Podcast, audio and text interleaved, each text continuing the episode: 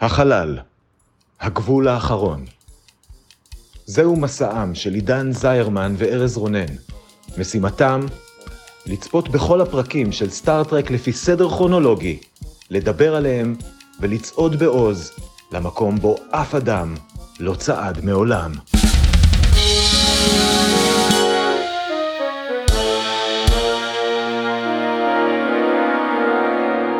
שלום, אני ארז רונן, ואני עידן זרמן. ואנחנו הולכים לדבר היום על הפרק ה-18 בעונה השנייה של סטארט-טרק הסדרה המקורית. לפרק קוראים The Immunity Syndrome, והוא שודר במקור בתאריך ה-19 בינואר 1968. וכרגיל, כדי להכניס אתכם ואותנו לעניינים, עידן יתמצת את כל מה שקרה בו בדקה אחת בלבד. עידן, האם אתה מוכן? אני מוכן, כן, אני מוכן. בתור יעד אישי, אני מנסה לעשות את זה ב-30 שניות. יפה. אבל נראה, נראה איך זה ילך.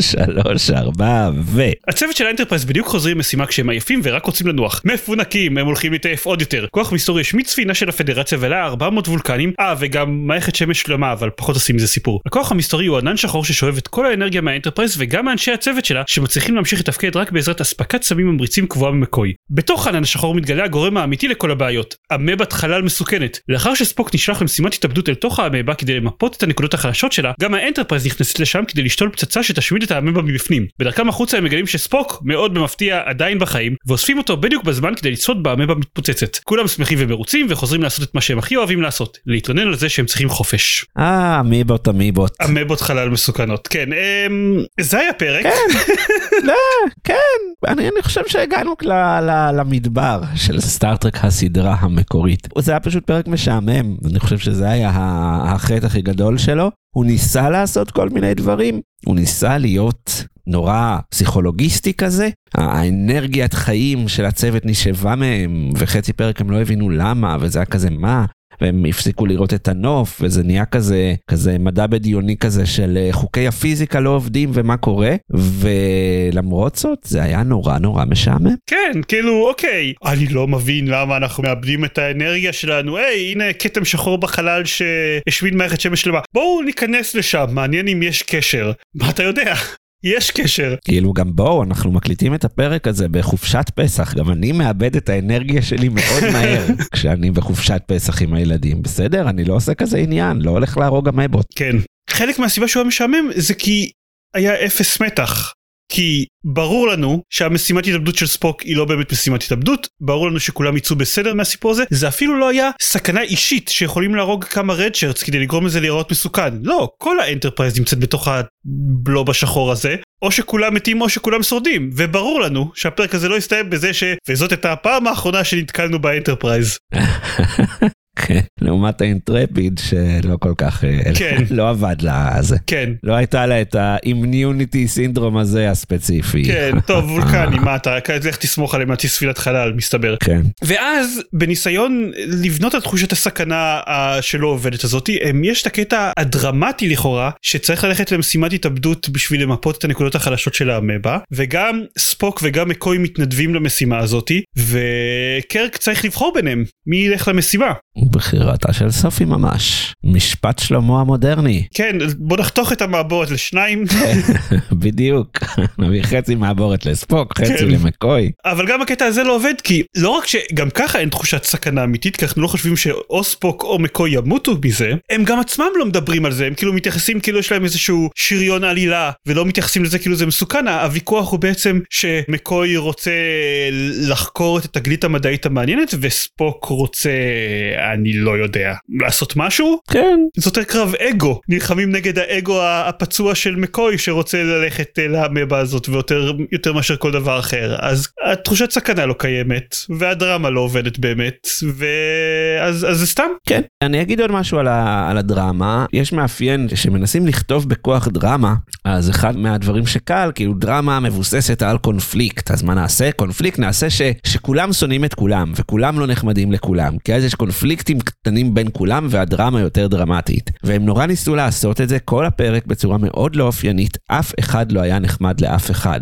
קירק לא היה נחמד למקוי ולספוק ספוק לא היה נחמד לאף אחד מקוי לא היה נחמד לאף אחד סקוטי לא כל כך היה נחמד אבל לפחות הוא לא היה אקטיבי הוסטייל הוא פשוט היה אומלל. ו... זה גם לא עבד, כאילו זה לא הוסיף דרמה, השחקנים לא ידעו מה לעשות עם זה, זה ממש היה פרק שהיה משוחק איזה כמה דרגות אנרגיה מתחת לרגיל שלהם, כי לדעתי הם גם לא הבינו למה כולם assholes אחד לשני, כי זה לא ה vibe של הסדרה, וזה לא ה vibe, הסדרה הזאת עובדת. כל הקטע זה שיש משהו מדעי כזה שהם לא יודעים איך להתמודד, ואז הם ביחד משתפים פעולה ופותרים את זה, אבל... כן, פה הם התפצלו וזה, וכן, זה לא, זה לא עבד. אתה גם כן הזכרת את זה בתקציר, אבל אני כן צריך, רוצה להגיד על הקטע הזה שבהתחלה מערכת שמש שלמה נעלמת בהרף עין וככה פחות כאילו זה חתיכת דבר ושוב בסטארטרקים מאוחרים יותר כן בדיסקאברי זה עלילה עונתית כן דבר כזה. לא רק בדיסקאברי. כאן פשוט כן מערכת שמש. כאילו טריליוני הרוגים משלל גזעים שלמים שבטח נכחדו וכשקירק מסיים להרוג את האמיבה הוא כזה טוב בואו נלך לנופש עכשיו. ולא אוקיי רגע יש פה איזה טריליוני הרוגים. סטטיסטית כנראה אנחנו מכירים. לא מוזר. אה, וחשבתי על זה גם מהבחינה המדע בדיונית. כאילו לא יודע זה, זה מעורר קצת חרדה לא? ראיתי את הדבר הזה ואז אתה חושב רגע אנחנו חיים במערכת שמש? מה אם אנחנו? פתאום תגיע אמבה וכאילו פתאום פשוט נעלם. וזהו כן. זה לא מפחיד. כן זה בסדר זה אסון מדבי קלאסי. חצי חור שחור עבר במערכת השמש וזהו כולנו נמחקנו. yep. אבל כן הם הרבה יותר עושים דרמה לגבי החללית של הוולקנים שאני לא בטוח מה התפקיד העלילתי שלה בפרק. לגבי זה שהייתה קיימת והייתה של וולקנים. היא הייתה כאילו זה שהם היו 400 וולקנים זה מה שאפשר לספוק לדעת מיד שזה קרה? היה לו כזה הבעת פנים של אה, הרגשתי טרמור אין דה פורס ראוי להגיד הרבה לפני שהיה טרמור אין דה פורס אז אז יפה שזה שזה התחיל כאן. אבל מעבר לזה אני לא בטוח מה היה התפקיד. כאילו ניסו לעשות משחק של בגלל שהם וולקנים הם לא הבינו את מה שהם רואים כי זה נגד את ההיגיון אבל אוקיי זה שוולקנים הם חייזרים מאוד הגיוניים לא אומר שהם טיפשים. כן זה גם כאילו אוקיי הם מתו ואז גם הקטע הם לא האמינו שהם הולכים למות כי למות זה לא הגיוני זה לא נכון אנשים מתים גם וולקנים מתים אבל בסדר. וגם היה את uh, שספוקוס כזה מתנשא על מקוי אם הגזע שלך היה רגיש למוות של אחרים כמונו כמו הוולקנים אז אולי היה לכם uh, היסטוריה פחות עקובה מדם. ואוקיי תקשיב אתם כבר התבטאת בפרקים אחרים על זה שגם ההיסטוריה של הוולקנים לא פחות עקובה מדם. גם לכם זה לא עזר כל כך. כן. אז לא ברור לי מה הייתה המטרה העלתית של זה וזה לא מתיישב עם שום דבר שאנחנו יודעים על וולקנים הפרט מידע הזה וזה טיפשי נכון יש לי עוד שני דברים קטנים שאני רוצה לציין ואז עוד דבר שאני רוצה לציין עם צחוק אינפנטילי ממש. אוקיי. Okay. אז uh, שני דברים קטנים, אני הייתי בטוח במשך כל הפרק שהם נכנסו לשק הריון ענקי ושכאילו המבה זה, זה תא שעומד להתפצל ולהפוך לחיים ואז שהם אמרו שזה סתם אמבה שצריך לחסל זה קצת אכזב אותי. אבל היא כן הולכת להתרבות. נכון. אבל עוד אמבות. לעוד אמבות שזה די מפחיד. זה מה שכן לא הבנתי לא הסבירו מה זה הענן השחור הזה זה היה קצת לא מוסבר פשוט כאילו לאמבות אין ענן אבל או, טוב תכלס אני לא מכיר אמבות אולי יש להן עננים. בסדר כל הזמן התייחסו לחיידקים בתור וירוסים ולהפך אז לא משנה כאילו סבבה. נכון ואני כן אהבתי את הקונספט שהאנטרפרייז היא המערכת החיסונית של הגלקסיה בצורה נכון? כזאת אה, הוליסטית גלקטית זה היה מגניב. כן אני, אני חייב להגיד שכן ש, שמופיע לי בתור נקודה אחת בולטת מאוד לחיוב בפרק זה האנלוגיה הזאתי שכאילו שהאמבה היא הווירוס שתוקף את הגלקסיה והאנטרפרייז היא ה antibody זה היה חמוד מאוד. כן ממש. יש לך עוד דברים להגיד? כי יש לי משהו שאולי אולי נרצה לחתוך בעריכה. אוקיי, לא, זה, זה הכל מבחינתי. וויליאם שטנר, בוא רגע נדבר עליו ועל המשחק שלו. כי ידוע על הכל שוויליאם שטנר הוא לא שחקן כל כך טוב, הוא מדבר עם הרבה דרמה והפסקות בדיבור.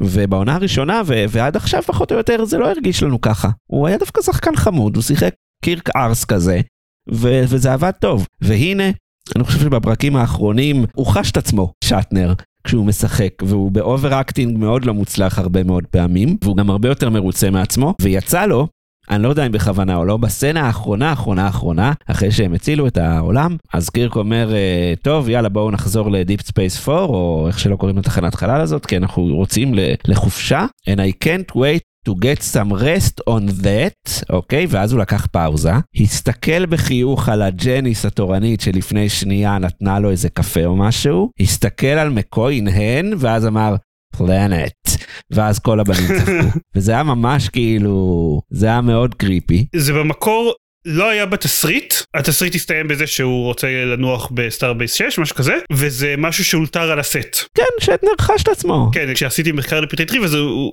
צוין שזה אלתור של שטנר. חשבתי לא להזכיר את זה בטריוויה, אבל בגלל שכבר אמרת את זה, זה מתחבר לי. יפ. נראה לי שאנחנו נכנסנו לעידן uh, קצת אחר בסטארטרק הסדרה המקורית, נראה בפרקים הבאים אם אני צודק או לא. Uh, הדבר השני, שזה באמת היה אינפנטילי וילדותי מאוד, אבל היה פשוט סצנה שספוק עדיין על האנטרפרייז מסתכל על הגשושית שהם שלחו חודר על האמיבה. אני יודע מה אתה הולך להגיד. ופשוט זה היה, זה היה כאילו וולקנים מקיימים יחסי מין בפעם הראשונה. אוקיי, okay, I'm nearing the penetration point. It is very sensitive to touch. I am entering it, ואז הכל מתפוצץ, בום! זה היה כל כך כאילו, לא יכלתי שלא לחשוב על זה, למרות שזה באמת היה ילדותי. כן, המשפט, אזור החדירה הולך להיות רגיש במיוחד, בהחלט נרשם אצלי. כן. לא, לא יודע בתור מה, אבל נרשם אצלי. בדיוק. אז תהי. תהי. ציפיתי שיתייחסו לזה, ציפיתי שמישהו מסביבו יחייך כשהוא אומר את זה, אבל לא כלום. לא, זה היה ברצינות, זה מה שהיה גם חלק מהמצחיק, הם כל כך רציניים ו...